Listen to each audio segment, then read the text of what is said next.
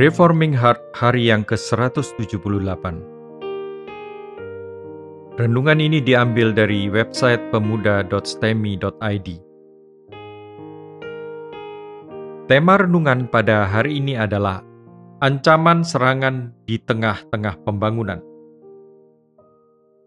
Pembacaan Alkitab diambil dari Nehemia 4 ayat 1 sampai 23. Demikianlah pembacaan firman Tuhan. Ketika Sanbalat mendengar bahwa kami sedang membangun kembali tembok, bangkitlah amarahnya dan ia sangat sakit hati. Ia mengolok-olok orang Yahudi dan berkata di hadapan saudara-saudaranya dan tentara Samaria, apa gerangan yang dilakukan orang-orang Yahudi yang lemah ini? Apakah mereka memperkokoh sesuatu? Apakah mereka hendak membawa persembahan? Apakah mereka akan selesai dalam sehari? Apakah mereka akan menghidupkan kembali batu-batu dari timbunan puing yang sudah terbakar habis seperti ini? Lalu berkatalah Tobia orang Amon itu yang ada di dekatnya. Sekalipun mereka membangun kembali, kalau seekor anjing hutan melompat dan menyentuhnya, robohlah tembok batu mereka. Ya Allah kami, dengarlah bagaimana kami dihina. Balikkanlah cercaan mereka menimpa kepala mereka sendiri, dan serahkanlah mereka menjadi jarahan di tanah tempat tawanan. Jangan kau tutupi kesalahan mereka, dan dosa mereka jangan kau hapus dari hadapanmu, karena mereka menyakiti hatimu dengan sikap mereka terhadap orang-orang yang sedang membangun. Tetapi kami terus membangun tembok sampai setengah tinggi dan sampai ujung-ujungnya bertemu. Karena seluruh bangsa bekerja dengan segenap hati, Ketika Sanbalat dan Tobia, serta orang-orang Arab dan orang Amon dan orang Asdod mendengar bahwa pekerjaan perbaikan tembok Yerusalem maju dan bahwa lubang-lubang tembok mulai tertutup, maka sangat marahlah mereka. Mereka semua mengadakan persepakatan bersama untuk memerangi Yerusalem dan mengadakan kekacauan di sana. Tetapi kami berdoa kepada Allah kami dan mengadakan penjagaan terhadap mereka siang dan malam karena sikap mereka Berkatalah orang Yehuda, kekuatan para pengangkat sudah merosot dan puing masih sangat banyak. Tak sanggup kami membangun kembali tembok ini. Tetapi lawan-lawan kami berpikir, mereka tidak akan tahu dan tidak akan melihat apa-apa sampai kita ada di antara mereka, membunuh mereka dan menghentikan pekerjaan itu. Ketika orang-orang Yahudi yang tinggal dekat mereka sudah sepuluh kali datang memperingatkan kami, mereka akan menyerang kita dari segala tempat tinggal mereka. Maka aku tempatkan rakyat menurut kaum keluarganya dengan pedang, tombak, dan panah di bagian-bagian yang paling rendah dari tempat itu. Di belakang tembok, di tempat-tempat yang terbuka.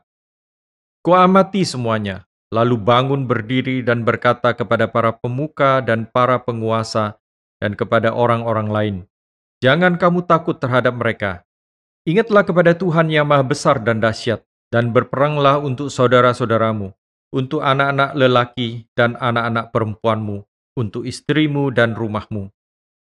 Ketika didengar musuh kami, bahwa rencana mereka sudah kami ketahui, dan bahwa Allah telah menggagalkannya, maka dapatlah kami semua kembali ke tembok, masing-masing ke pekerjaannya.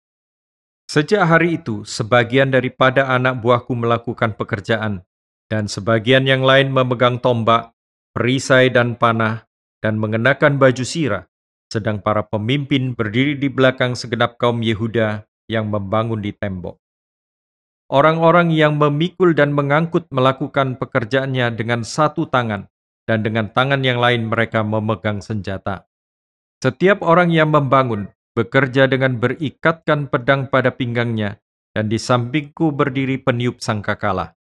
Berkatalah aku kepada para pemuka dan para penguasa dan kepada orang-orang yang lain, pekerjaan ini besar dan luas, dan kita terpencar pada tembok yang satu jauh daripada yang lain. Dan kalau kamu mendengar bunyi sangkakala di suatu tempat, berkumpullah ke sana mendapatkan kami. Allah kita akan berperang bagi kita. Demikianlah kami melakukan pekerjaan itu, sedang sebagian daripada orang-orang memegang tombak dari merekahnya fajar sampai terbitnya bintang-bintang. Pada waktu itu juga aku berikan perintah kepada rakyat, setiap orang dengan anak buahnya harus bermalam di Yerusalem, supaya mereka mengadakan penjagaan bagi kami pada malam hari dan melakukan pekerjaannya pada siang hari. Demikianlah aku sendiri, saudara-saudaraku, anak buahku, dan para penjaga yang mengikuti aku. Kami semua tidak sempat menanggalkan pakaian kami. Setiap orang memegang senjata dengan tangan kanan. Demikianlah pembacaan firman Tuhan. Kita masuk di dalam perenungan. Sanbalat gubernur Samaria dan Tobia menghina pembangunan tembok orang Israel. Tetapi meskipun mereka menghina dan meremehkan, pada akhirnya mereka ketakutan juga karena tembok itu makin lama makin kokoh. Ketakutan itu mengubah hinaan menjadi ancaman serangan. Ayat 8 mengatakan mereka merencanakan membuat kekacauan dan memerangi orang-orang Israel yang membangun tembok. Mereka sangat gigih melawan pembangunan tembok itu karena daerah mereka lah yang paling terancam jika Israel kembali kuat secara politik. Mereka sadar bahwa walaupun yang kembali dari pembuangan hanyalah sekelompok kecil orang, tetapi Israel adalah bangsa yang tersebar dengan jumlah yang banyak di tempat pembuangan. Mereka juga menyadari sejarah Israel yang agung dan disertai Tuhan. Mereka tahu bahwa kalau Israel kembali memiliki otoritas secara politik, maka daerah mereka lah yang akan lebih dahulu terancam oleh Israel. Maka pembangunan tembok yang sepertinya mustahil dapat dikerjakan, ternyata semakin terlihat keberhasilannya. Ini membuat mereka memakai strategi apa pun yang perlu untuk menghentikan rencana pembangunan itu. Ayat 9 mengatakan bahwa orang Yahudi berdoa kepada Tuhan. Mereka tahu bahwa semua rencana pembangunan adalah dari Tuhan, dan hanya Tuhan sajalah yang akan membuat pekerjaan itu berhasil. Mereka belajar untuk menggantungkan iman dan segala pekerjaan mereka kepada kuasa dari Tuhan. Tetapi selain mereka berdoa kepada Allah, mereka juga mempersiapkan senjata untuk membela diri. Mengapa keduanya menjadi begitu penting? Karena doa kepada Allah menunjukkan kebergantungan kepada Tuhan dalam mengerjakan segala sesuatu, dan mempersiapkan senjata menunjukkan ketaatan kepada Tuhan dalam mempersiapkan segala sesuatu. Doa menunjukkan kebergantungan, tetapi semua persiapan dan pekerjaan menunjukkan ketaatan kepada Dia. Bukan hanya mempersiapkan, Nehemia juga mengatur strategi yang sangat baik untuk melindungi pekerjaan pembangunan tembok itu. Dia menempatkan orang-orangnya dengan ketepatan yang baik untuk berperang. Strategi itu kemudian berubah ketika serangan dari pihak musuh batal datang. Nehemia membagi rakyatnya menjadi dua. Sebagian yang pertama berjaga-jaga dengan senjata di tangan mereka, sedangkan sebagian yang lain melanjutkan pekerjaan pembangunan tembok. Nehemia juga sadar kalau rakyat tersebar di berbagai daerah tempat reruntuhan tembok Yerusalem ada. Dan karena itu akan sangat lemah jika diserang di salah satu bagian. Maka Nehemia membagikan strategi yang dia rencanakan, yaitu kalau salah satu tempat diserang, sangkakala akan dibunyikan dan seluruh Israel yang tinggal di Yerusalem dan sekitarnya diperintahkannya untuk membantu tempat mana pun yang diserang oleh musuh. Keadaan yang genting dan cukup menakutkan ini adalah bagian dari perjuangan orang Israel demi pulihnya tanah mereka. Mereka mengalami ancaman berkali-kali, tetapi Tuhan masih memimpin dan memberikan penyertaannya dengan cara yang sangat melimpah. Walaupun sulit untuk dilihat secara langsung, tantangan dari luar telah dihadapi dan mereka melaluinya dengan baik. Tetapi sebagaimana kegagalan bangsa Israel di padang gurun terjadi dari dalam diri sendiri, demikian juga bangsa Israel yang baru pulang dari pembuangan ini. Tantangan dari luar seperti Firaun, Aram, Asyur, Babel, semuanya dilewati dengan baik, bahkan dengan kemenangan pada akhirnya. Tetapi untuk kehancuran yang lebih efektif adalah kehancuran dari hal yang lain, Kerajaan Romawi bukan hancur karena serangan dari kerajaan luar, melainkan kerajaan itu hancur dari dalam diri sendiri. Demikian juga Israel akhirnya hancur karena diri sendiri, diri yang melupakan Allah, diri yang hidup dengan penuh pelanggaran, kebodohan, dan kekejaman. Untuk direnungkan. Sama seperti orang Israel mendapatkan tentangan dalam mengikuti Tuhan, demikian juga kita mendapatkan halangan dalam pertumbuhan iman kita. Tetapi kalimat nasihat diberikan di dalam ayat yang 14 juga sangat tepat untuk kita. Jangan takut. Mengapa jangan? Karena apa yang kita lakukan, jika sesuai dengan kebenaran Tuhan, akan mendapatkan penyertaan Tuhan dan pembelaan dari Tuhan yang Maha Besar dan dahsyat. Tuhan sendiri akan mengkonfirmasi setiap perbuatan kita yang kita kerjakan dengan motivasi yang sungguh-sungguh murni bagi Tuhan dan demi menjadi saluran berkat bagi orang lain. Tetapi mari kita juga belajar untuk mengetahui apa sajakah yang kita perbuat dari hidup. Berapa persen dari seluruh kegiatan itu kita kerjakan karena sungguh-sungguh sadar Tuhan yang memimpin kita melakukan itu? Bukankah kebanyakan kita kerjakan karena hal yang lain? Kita mengerjakan karena menguntungkan dari sisi keuangan, atau menyenangkan, atau sesuai dengan apa yang kita inginkan. Tetapi bagaimana dengan yang Allah inginkan? Masih adakah orang yang sungguh-sungguh bergumul dalam mencari tahu kehendak Tuhan dengan motivasi yang sungguh-sungguh murni.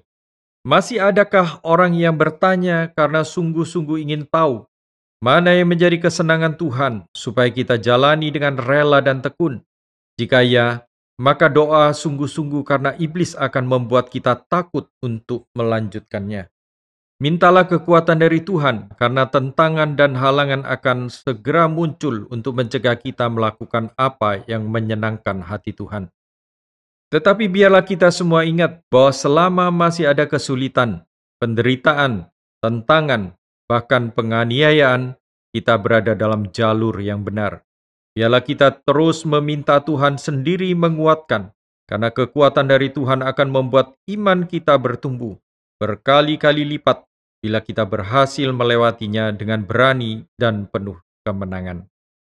Jika Tuhan sendiri yang akan memimpin, maka kita tidak takut akan apa pun. Namun ada hal lain yang juga dapat kita pelajari dari bacaan hari ini. Nehemia, walaupun tekun memohon penyertaan dari Tuhan, adalah seorang pemimpin yang mempersiapkan sebaik mungkin strategi untuk mengatasi segala kesulitan yang terjadi. Pendoa sejati bukanlah orang-orang yang pasrah dan begitu pasif di dalam hidup, Pendoa yang sejati justru adalah orang yang mempersiapkan sebaik mungkin untuk apa yang sedang dia doakan. Kita ingin mengatasi rasa takut kita, kita ingin melewati semua halangan dari depan dan ingin mendapatkan kemenangan. Jika kita benar-benar ingin melewati semua halangan dengan keberanian dan kemenangan, maka kita harus sujud kepada Tuhan sambil terus mengerjakan apa yang diperlukan dengan hikmat yang berasal dari Tuhan.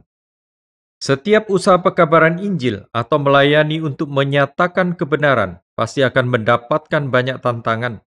Tetapi pengabar Injil yang sejati akan berlutut dan berdoa sambil juga memperjuangkan apa yang dihadapi di depan dengan ketekunan dan hikmat. Ia akan terus berusaha dengan giat sambil menantikan pertolongan Tuhan. Hal yang terakhir adalah orang yang sungguh-sungguh berdoa. Dia juga akan berjuang dengan hikmat dari Tuhan sebagaimana sudah dibahas, dan dia juga akan berjuang dengan ketekunan yang besar, sebagaimana dilakukan Nehemia dan pengikutnya dalam ayat 23. Ketekunan yang menyebabkan Nehemia dan orang-orangnya tidak sempat beristirahat dan berganti pakaian. Mari kita berdoa. Tuhan, berikan kami pertolonganmu, sehingga kami boleh terus dikuatkan oleh penyertaan-Mu dan tangan kuasamu. Tetapi bagaimana mungkin kami berhak memohon untuk dikuatkan oleh Tuhan, kalau bukan Engkau sendiri yang memberikan anugerah untuk kami boleh memohon kepadamu. Itulah sebabnya kami memohon supaya Engkau sendiri yang menyertai kami dan memberikan kami sekalian kerelaan untuk berjuang bagi nama Tuhan dan berani menghadapi konsekuensi apa pun yang muncul karenanya. Amin.